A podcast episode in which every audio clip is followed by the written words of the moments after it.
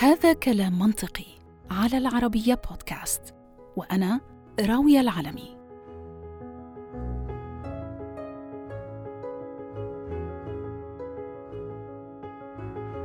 في يناير 2020 يمكن في اليوم الثالث من بداية السنة شعرت بتعب غريب ومشاعر مرضية ما اختبرتها من قبل. وبما أنه العالم كان بالكاد بدأ يدرك حجم الكارثة اللي كانت على وشك البدء وهي الجائحة قضيت أكثر من ساعتين وأنا بتفاوض مع نفسي. هل أصبت بالمرض الجديد المنتشر أم أنه عقلي بدأ يمارس علي ألاعيب اللي أنا قضيت عمري بصارعها؟ هل أنا بعاني من زكام عابر أم أنه فعلا هذا الزائر الجديد المجهول؟ أخيرا لملمت شتات عقلي وقررت أني أذهب لإجراء اختبار الحروف الثلاثة ال PCR اللي كنت ما زلت بسمع عنه وما كنت بعرف حدا لسه أجرى هذا الفحص. وصلتني الرسالة اللعينة لحتى تخبرني أني أنا فعلا مصابة بكوفيد 19 لعنه الله. لكن بلطف ربي قضيت بعض أيام محجورة وحدي في غرفة نومي حتى قضيت فترة محكوميتي ووصلتني رسالة جديدة بتقول براءة. وكوني كنت من أوائل من أصابهم المرض كان كل من يعرفني أو كل من يلتقيني حتى بيوضعني أو كل من يلتقيني بيوضعني تحت التحقيق. لحتى أخبرهم شو هي الأعراض أعراض هذا المرض. والحقيقة أني الحمد لله لم أعاني كثيرا لكن أكثر الأعراض اللي استمرت كان شعور وجدت صعوبة في وصفه رغم تمكني من اللغة على حد علمي يعني. وتحت إصرار البعض على معرفة ماهيته كنت أظن أني اخترعت وصف خاص فيه مرتبط بشعوري بهذاك الوقت. وهو أنه كأنه كان في ضباب في رأسي طوال الوقت. وهذا الشعور على فكرة لازمني حتى بعد ما شفيت من كورونا بفترة ليست بالقصيرة. لطالما ومن مرحلة الطفولة أحببت علوم الطب عامة وإن كان الطب النفسي هو أقرب أبواب هذا العلم لنفسي. لكني وعبر السنين قرأت كتير وتثقفت وجمعت قدر من هذا العلم لا بأس به خصوصا لأحد لم يدرس الطب يوما أو يمارس هذه المهنة. وفي هذا البودكاست وشكرا طبعا للمؤسسة اللي بتدعمه وهي العربية للأخبار شعرت أنه أصبح لي أخيرا مساحة مفتوحة لحتى أكتب وأناقش وأشرح بعض من غموض أمور الطب. وبينما كنت عم بقرأ بعض الدراسات المختلفة وقعت عيني على دراسة معينة كان عنوانها Brain Fog أو ضبابية الدماغ. الحقيقة أنه عيوني تجمدوا لما قرأوا هذا العنوان. وهذا لأنه إلي تجربة شخصية مع هذا العارض فقررت أني أجعلها موضوع لحلقتي لليوم. قصة طريفة ومحزنة في آن واحد نشرت على موقع newscientist.com تتحدث عن سيدة تدعى كورتني شوكس. هاي السيدة وفور تعافيها من كورونا كانت بتستعد للخروج للقاء أصدقائها بعد فترة الغياب للخروج للغداء يعني وكانت غاية في السعادة. تماما وقبل مغادرتها المنزل ألقت نظرة تأكيد على الرزنامة اللي كتب عليها التاريخ ذلك اليوم واسم المطعم اللي المفترض أن تلتقي أصدقائها فيه. وفورا ركبت سيارتها واتجهت إلى مكان اللقاء وظلت جالسة لفترة طويلة بتتساءل وين الجميع؟ فلم يحضر أحد بتقول السيدة إنها كانت ما زالت بتشعر بضباب في دماغها ولما هاتفت إحدى صديقاتها اللي أجابت وأفصحت إنه الجميع بانتظارها في المطعم لحظتها فقط أدركت كورتني أنها ذهبت لمطعم مختلف تماما وفي عنوان بعيد جدا عن مكان اللقاء المتفق عليه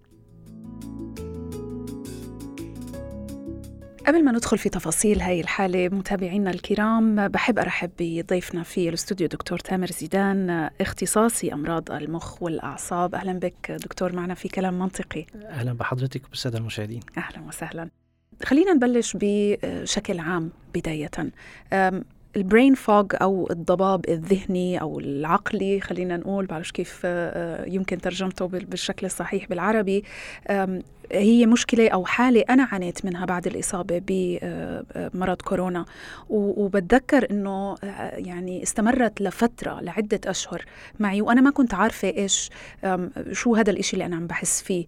افتكرت أني أنا مجرد تعبانة أو لساتني بتعافى من كورونا وما إلى ذلك. هل هي إحدى تبعات كورونا؟ ال brain fog إحدى تبعات كورونا المنتشرة؟ يعني هل كل من يصاب بكورونا رح يعاني منه حتى لو بدرجة متفاوتة؟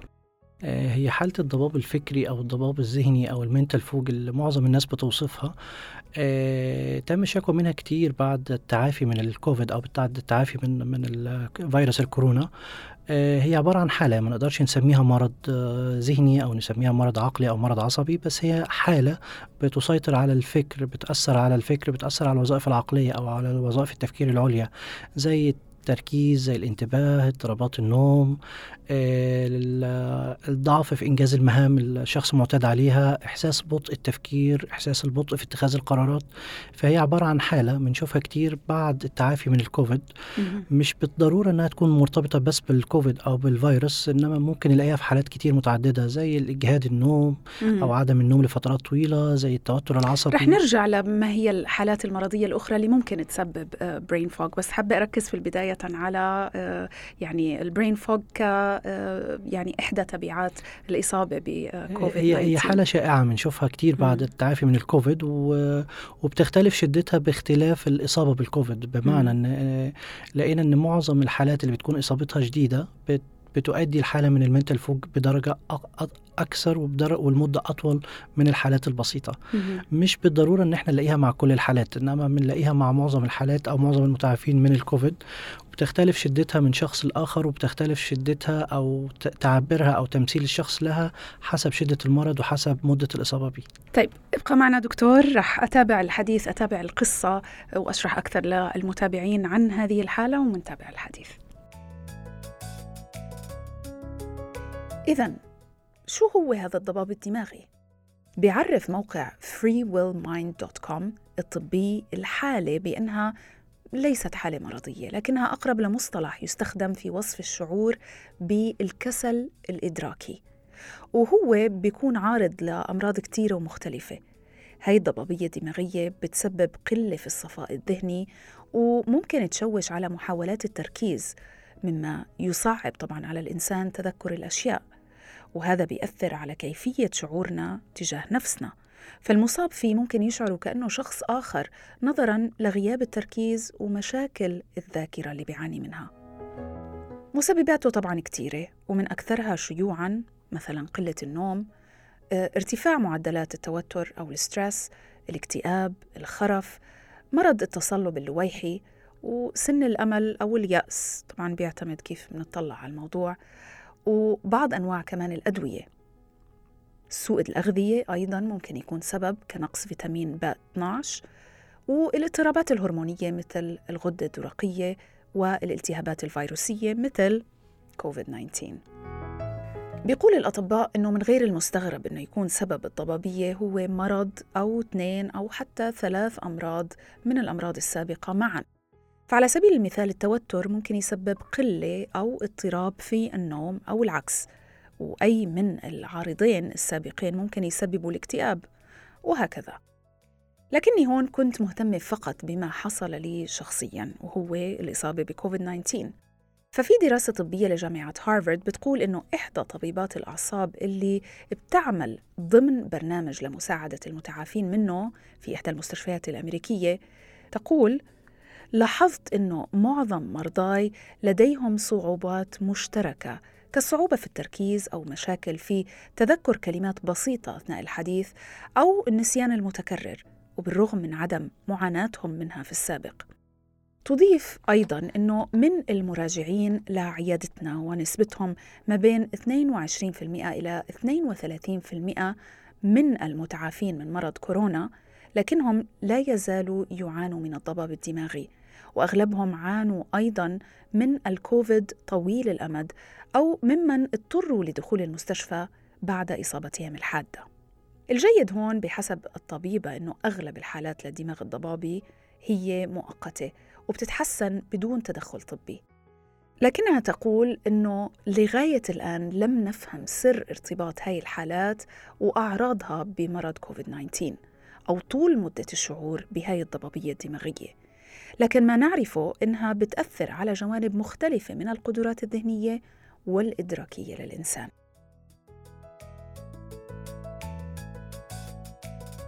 طيب عودة لك دكتور آه، تامر شو اللي بيحصل بالضبط في الدماغ لحتى يصاب بال brain fog هل بصير في خلل بسبب إصابة الإصابة بكورونا بالهرمونات أو ال chemicals الكيماويات اللي بيفرزها الدماغ فبالتالي تؤدي إلى ال brain fog أم ماذا؟ آه، هو سبب المنتل فوج بيختلف لأن الفيروس الفيروس أو الكوفيد فيروس كوفيد 19 المستجد هو فيروس يعتبر حديث في علم الأمراض بمعنى إنه عمر الفيروس في العالم لا يتجاوز أكثر من ثلاث سنوات فبالتالي الدراسات والأبحاث والفهم الكامل للفيروس ما زال لسه غير واضح بدرجة كاملة.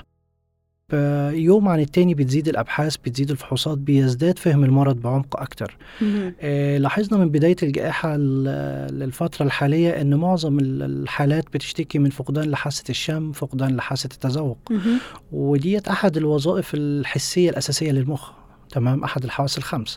فبالتالي تم دراسة ده بشكل أعمق عن طريق الفحوصات المخبرية عن طريق قياس آه، نسبة الفيروس إذا قياس نسبة المواد المضادة للفيروس عمل بعض الأشعات الوظيفية للمخ ال functional MRI ولقينا إن جزء من أو في بعض الحالات النسبة لا بأس بها بيكون في تأثر لبعض المناطق داخل المخ. بمعنى إن نشاط التمثيل الغذائي في بعض المناطق الحيوية أو في بعض المراكز الحيوية أثناء وبعد الكوفيد بيتأثر بشكل آه، كبير. وتم إعزاء ده لانتقال الجزء من الفيروس خلال الأعصاب. ده أحد النظريات اللي بتفسر اضطراب الأعصاب مع الكوفيد. أو إن إفراز بعض النواقل العصبية أو المضادات الأجسام اللي بتنتج مضادة للفيروس هي نفسها بتؤدي لخلل لحاجة اسمها النواقل العصبية داخل الدماغ. النواقل العصبية دي اللي بتتحكم في حالة انتظام النوم في التحمس للتفكير في في وجود الدافع أو ال motivation وده اللي بيؤدي للخلل اللي بنسميه أو للحالة اللي بنسميها ال mental fog.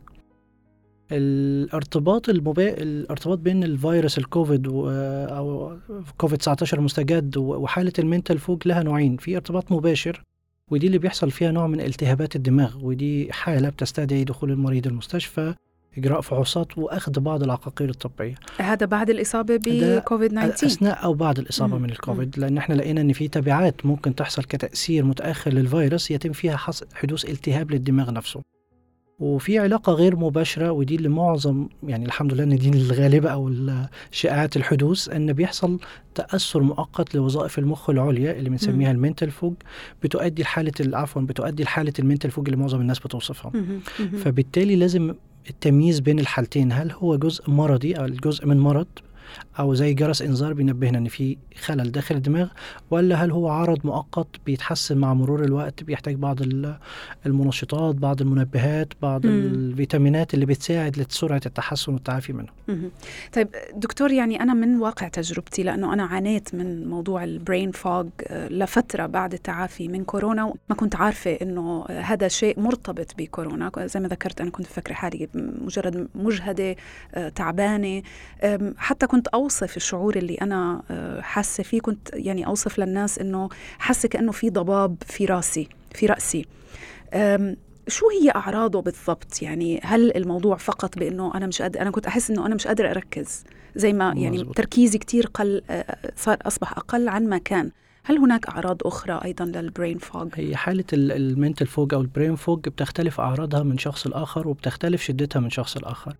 بمعنى إنها ممكن تبتدي بضعف في التركيز بضعف في الانتباه إحساس ب ب بالفقدان السريع للذاكرة عدم م. القدرة على تكوين ذاكرة سريعة يعني آه مثلا تحاولي تتكلمي في التليفون ممكن تنسي انت هتتكلمي إيه الموضوع اللي هنتكلم فيه نحاول نحكي مع شخص ننسى الحوار نفسه كان دائر حوالين إيه الحالة برضو ممكن يكون من أعراض عدم الاتزان إحساس بدوخة المستمر إحساس ببطء التفكير أو slow processing أو إحساس بصعوبة إنجاز المهمات. يعني إذا شخص مثلا آه، معتاد أنه ينجز عشر مهمات في وقت معين في حالة المنتال فوج بنلاقي إنه بعد إنجاز مهمة أو اتنين بيحس بالاعياء الشديد بالإجهاد الذهني وبيلاقي صعوبة أكتر في محاولة التركيز للحصول على نفس النتيجة اللي هو معتاد إنه يحصل. عليها. في بعض الأحيان بتحدث اضطرابات للنوم في بعض الأحيان ممكن تختلف شدة الأعراض ال- بحيث أن بعض المرضى بي- بي- بي- بيخافوا من حدوث ألزهايمر أو إحساس بالخرف المبكر. آه، فبالتالي الأعراض متنوعة وشدتها بتختلف من شخص لآخر. لتسهيل الفكرة اسمحوا لي أني أعرف لكم ما هي القدرات الإدراكية طبياً. هي عمليات حيوية بيقوم فيها دماغنا أثناء التفكير القراءة أو التعلم أو التذكر أو المنطقة وأخيراً الانتباه. وعليه فإن التدهور الإدراكي ممكن يسبب ضعف في قدراتنا أثناء القيام بعملية أو أكثر من هذه العمليات اللي بتستدعي التفكير. ومن بين من تم إيداعهم المستشفيات أثناء إصابتهم تم ملاحظة العديد من المشاكل الإدراكية لهؤلاء المرضى وكمان عبر هؤلاء عن صعوبات جمة في بعض الأمور التالية. أولاً صعوبة في المحافظة على الانتباه لفترات متوسطة لطويلة وأيضاً الذاكرة صعوبة في الذاكرة وصعوبات في حفظ وتخزين واسترجاع المعلومات.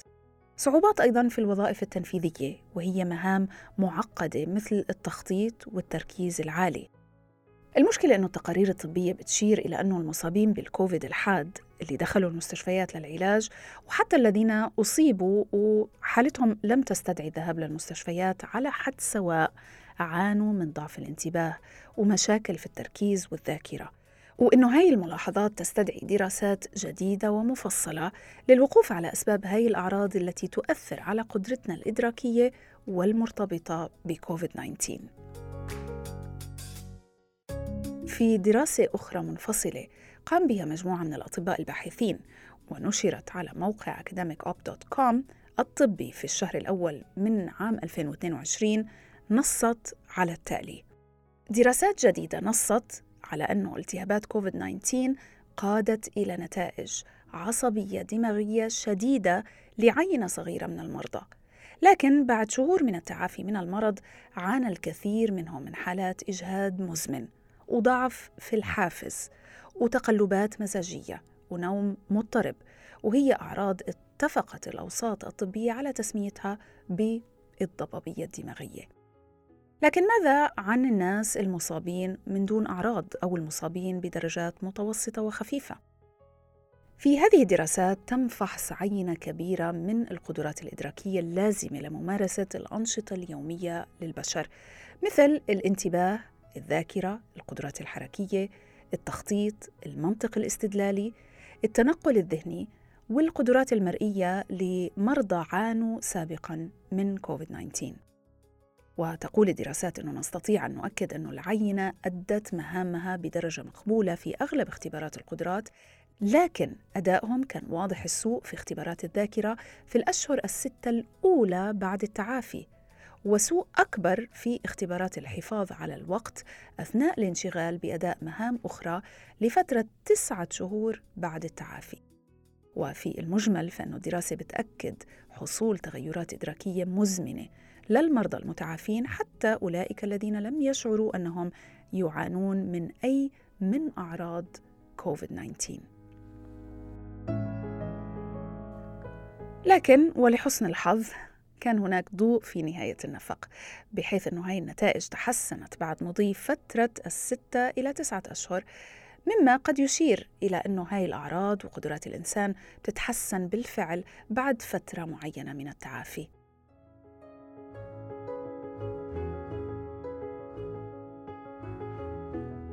طب دكتور هاي الحالة في إلها علاج معين أم أنه مجرد الشخص لازم ينتظر آه لغاية ما تمر؟ ولا تعدي آه تاخذ عدة شهور أو عدة أسابيع أنا شخصيا ما كنت ما كنتش مش يعني عارفة أشخص نفسي بأنه في عندي مشكلة معينة فكرت أنه أنا مجرد مجهدة فبالتالي ما أخذتش أي علاج هل هناك نوع إيه. علاج؟ للأسف هو التمييز بين الأعراض هل هي جزء من مرض أو هل هي أعراض مؤقتة هو ده الفيصل الأساسي في العلاج بمعنى.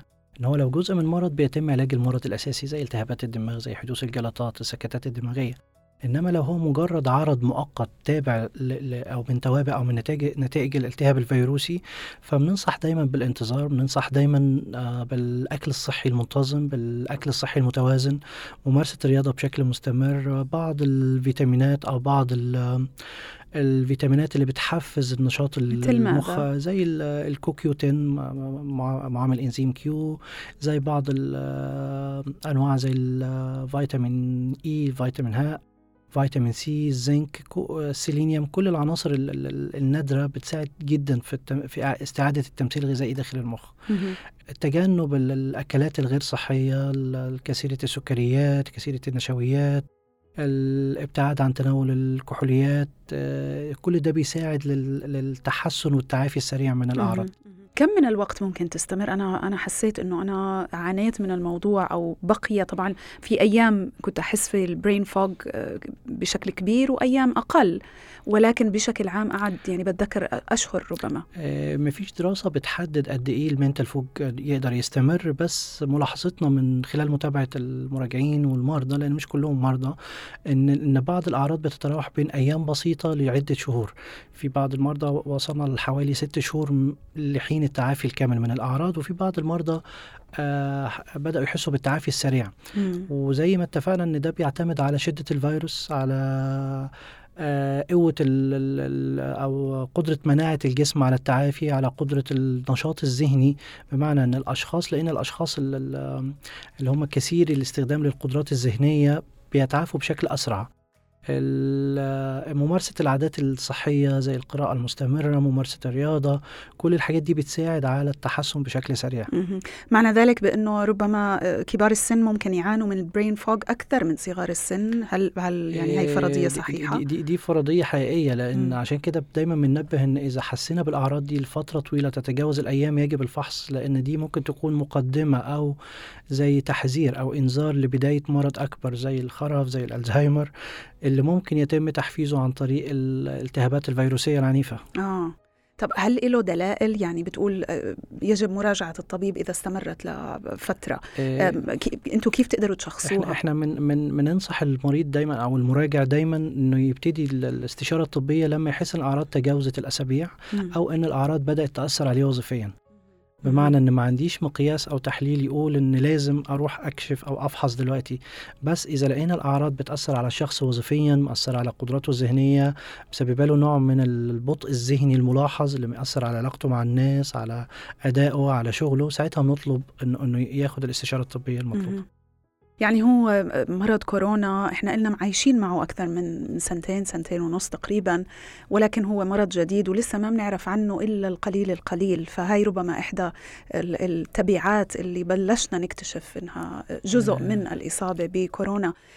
هل مرض كورونا له تأثير على المخ؟ تأثير آخر غير البرين فوج الفهم الأول للمرض كان عبارة أنه فيروس بينحصر في إصابة الجهاز التنفسي. إنما مع استمرار الجائحة واستمرار الأعداد, المص... الأعداد المصابة تم اكتشاف أن الفيروس بيأثر على أكثر من جهاز في الجسم زي القلب زي الجهاز الهضمي زي الجهاز الت... زي الجهاز العصبي.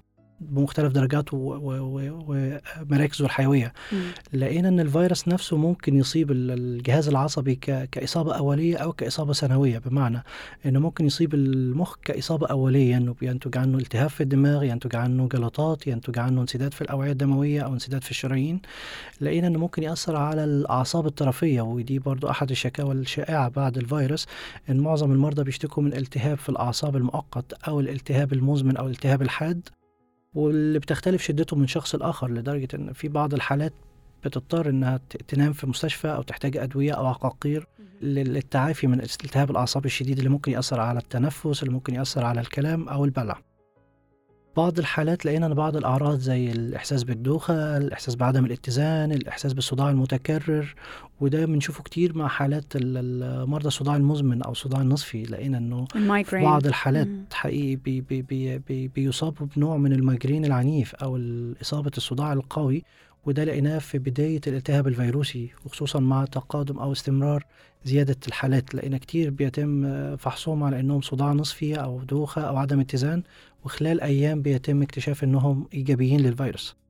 جميل إنك ذكرت إصابة أو إنه الفيروس أيضا ينتقل عن طريق الأعصاب على الأقل داخل جسم الإنسان وهذا بيفسر موضوع فقدان زي ما ذكرت حاسة الشم وحاسة التذوق أه، وهي أحد يعني أحد أعراض كورونا المهمة. فيما يتعلق بفقدان هذا الشعور أه، أنا شخصيا يعني زي كل الذين أصيبوا بكورونا فقدت حاسة الشم فقدت حاسة التذوق. ولكن حسيت إنه حاسة الشم ما رجعت آه، كما كانت ابدا حتى بعد الإصابة الآن بسنتين أو أكثر. آه، إحنا في العادة من المعروف إن الالتهابات الفيروسية بغض النظر عنها سواء كوفيد أو غيرها ممكن تأثر على حاسة الشم أو التذوق. وده كان حاجة شوية غريبة مع بداية الجائحة. م. إن كانت معظم الأعراض لها علاقة بالجهاز التنفسي ما عدا حاسة الشم وحاسة التذوق واللي كانت آه تم تسجيلها في معظم الحالات. مع استمرار البحوث والفحوصات المعملية والمخبرية للمرضى سواء المصابين أو المتعافين من الفيروس لقينا إن الفيروس في حد ذاته ممكن ينتقل خلال الأعصاب وده اللي بيؤدي في بعض الأحيان لتلف الخلايا الأساسية أو مستقبلات الأعصاب المسؤولة عن حاسة الشم وحاسه التذوق خوفتني هيك يا دكتور أنا ما راح أرجع أشم زي ما كنت يعني ابدا. آه شوفي حاسة التذوق وحاسة الشم من الأعراض اللي بتستمر لشهور وفي بعض الحالات لغاية دلوقتي في حالات ريبورتد إنها بتستمر لسنوات. والتحسن بيختلف بين تحسن كامل إلى تحسن جزئي. فبالتالي ما عندناش الإحصائية الكاملة اللي تقول آه، مدة التحسن هتكون خلال قد إيه. بعض الأحيان آه، فقدان هذه الحاسة بيعبر عن آه، إصابة خفيفة أو إصابة بسيطة بالمرض. يعني معظم الحالات اللي اشتكت من فقدان الحاسة معظمهم كانت إصابات خفيفة مش إصابات متوسطة أو جسيمة. ولقينا إن في معظم الحالات دي لما بتدي بعض الأدوية أو العقارات زي الكورتيزون في أول فترة من التعب أو من المرض بيسرع شوية التحسن أو التعافي. مم. التمرين المستمر لحاسة الشم على على على الإحساس ببعض المؤثرات القوية زي العود زي الدخون دي بتحفز أو بتنشط مستقبلات الإحساس. يعني في أمل. أكيد في أمل إن شاء الله. طيب دكتور بلشت تتحدث آه، قبل قليل حول يعني أمراض أخرى أو حالات أخرى ممكن تسبب البرين فوج أو الضباب الذهني. شو ممكن تكون يعني أمراض أخرى آه، الضباب الذهني زي ما اتفقنا هو حالة بتتراوح أسبابه من الأسباب بسيطة جدا لأسباب جسيمة. يعني أسباب بسيطة زي الإجهاد زي قلة النوم الشخص مش بينام لفترة طويلة فبيؤدي الحالة من ال mental fog. ال stress أو التوتر مش بشرط يكون التوتر المرضي بس وجود ضغوط حياتية وجود التزامات حياتية بيؤدي في بعض الأحيان لحالة من ال mental fog. نقص بعض الفيتامينات وعدم التغذية الصحية الاعتماد على ال fast food أو ال junk food بشكل مستمر بيؤدي الفقدان أو عدم ال ال ال عدم الاكتفاء من الفيتامينات بشكل كافي زي فيتامين B واحد B ستة B 12 بعض العناصر المهمة زي الزنك زي السيلينيوم. واللي دي واللي بنلاقيها دايما في الأغذية المعدة بشكل صحي أو معدة بشكل آه، آه، بشكل صحيح يناسب الإنسان يعني.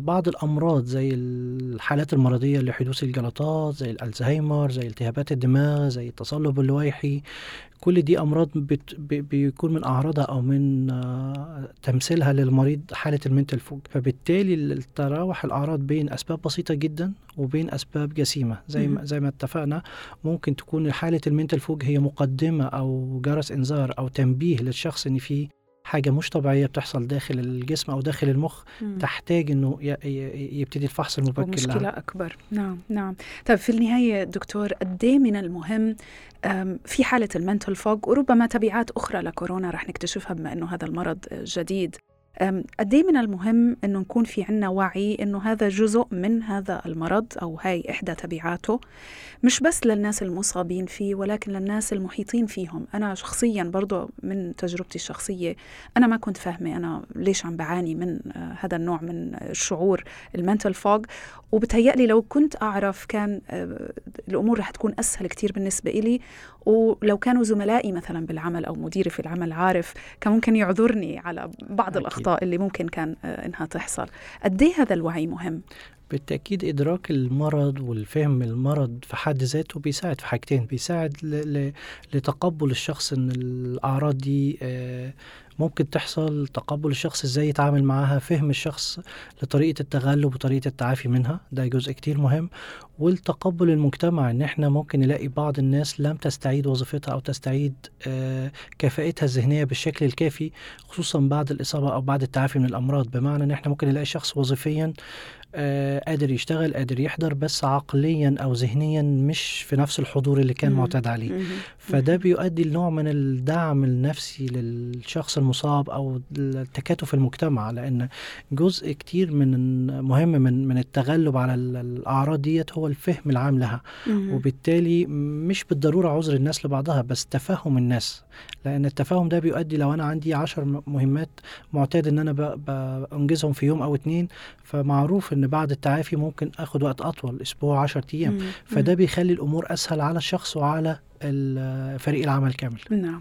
شكرا جزيلا لك دكتور تامر زيدان على هذه المشاركة الجميلة معنا في كلام منطقي وإن شاء الله رح يكون لنا لقاءات أخرى في المستقبل. شكرا لحضرتك ولضيوفك الكرام. شكرا. في ختام حلقتنا نوجد إنه من السهل الاستنتاج إنه المزيد من الدراسات أصبحت مطلوبة للتأكد من إنه هاي التأثيرات المعرفية المرتبطة بدرجة الانتباه والذاكرة متصلة مباشرة بمرض كوفيد 19 وتأثيرها مش مرتبط بجنس أو عرق أو سن أو حتى درجة أو حدة الإصابة. وإنه تضم هاي الدراسات عوامل أخرى ممكن يكون إلها علاقة بالإدراك والسرعة باستخلاص النتائج اللي رح تساعد الأطباء على التعامل مع هؤلاء المرضى ومع أعراضهم. فعودة الذاكرة بعد ستة أشهر وتحسن التركيز بعد تسعة أشهر هو مؤشر مريح على قدرة الدماغ البشري على إعادة ضبط نفسه. وكذلك فإنه نظراً لأنه المرض جديد فممكن إنها تتكشف إلنا تأثيرات سلبية أو حتى إيجابية في المستقبل. وفي أي يوم كمان. لكن من المهم الانتباه لأي شخص في محيطنا ممكن يكون يعاني من أي من هذه الأعراض. فلحتى نكون عون لأي شخص قد لا يعلم سبب ما يصيبه من مشاعر متضاربة ومختلفة. ومثل ما بدنا ندرك جميعا هذه الفترة بالذات أنه كورونا لم يغادرنا تماما بعد فالتقارير تشير إلى وجود ما قد يكون بالفعل موجة جديدة للأسف. نسأل الله السلامة طبعا. فأعزائي أذكركم وأذكر نفسي بأخذ الحيطة ولحتى نتذكر المقولة الشهيرة بأنه درهم وقاية خير من قنطار علاج. لذلك فلنتذكر أن نداوم على لبس الكمامات والحفاظ على المسافات ونعود لغسل أيدينا عشرة أو عشرين مرة في اليوم. والله المستعان. هذا كلام منطقي على العربية بودكاست وأنا راوية العالمي. أشكركم. ودمتم دائما بأمان بإذن الله.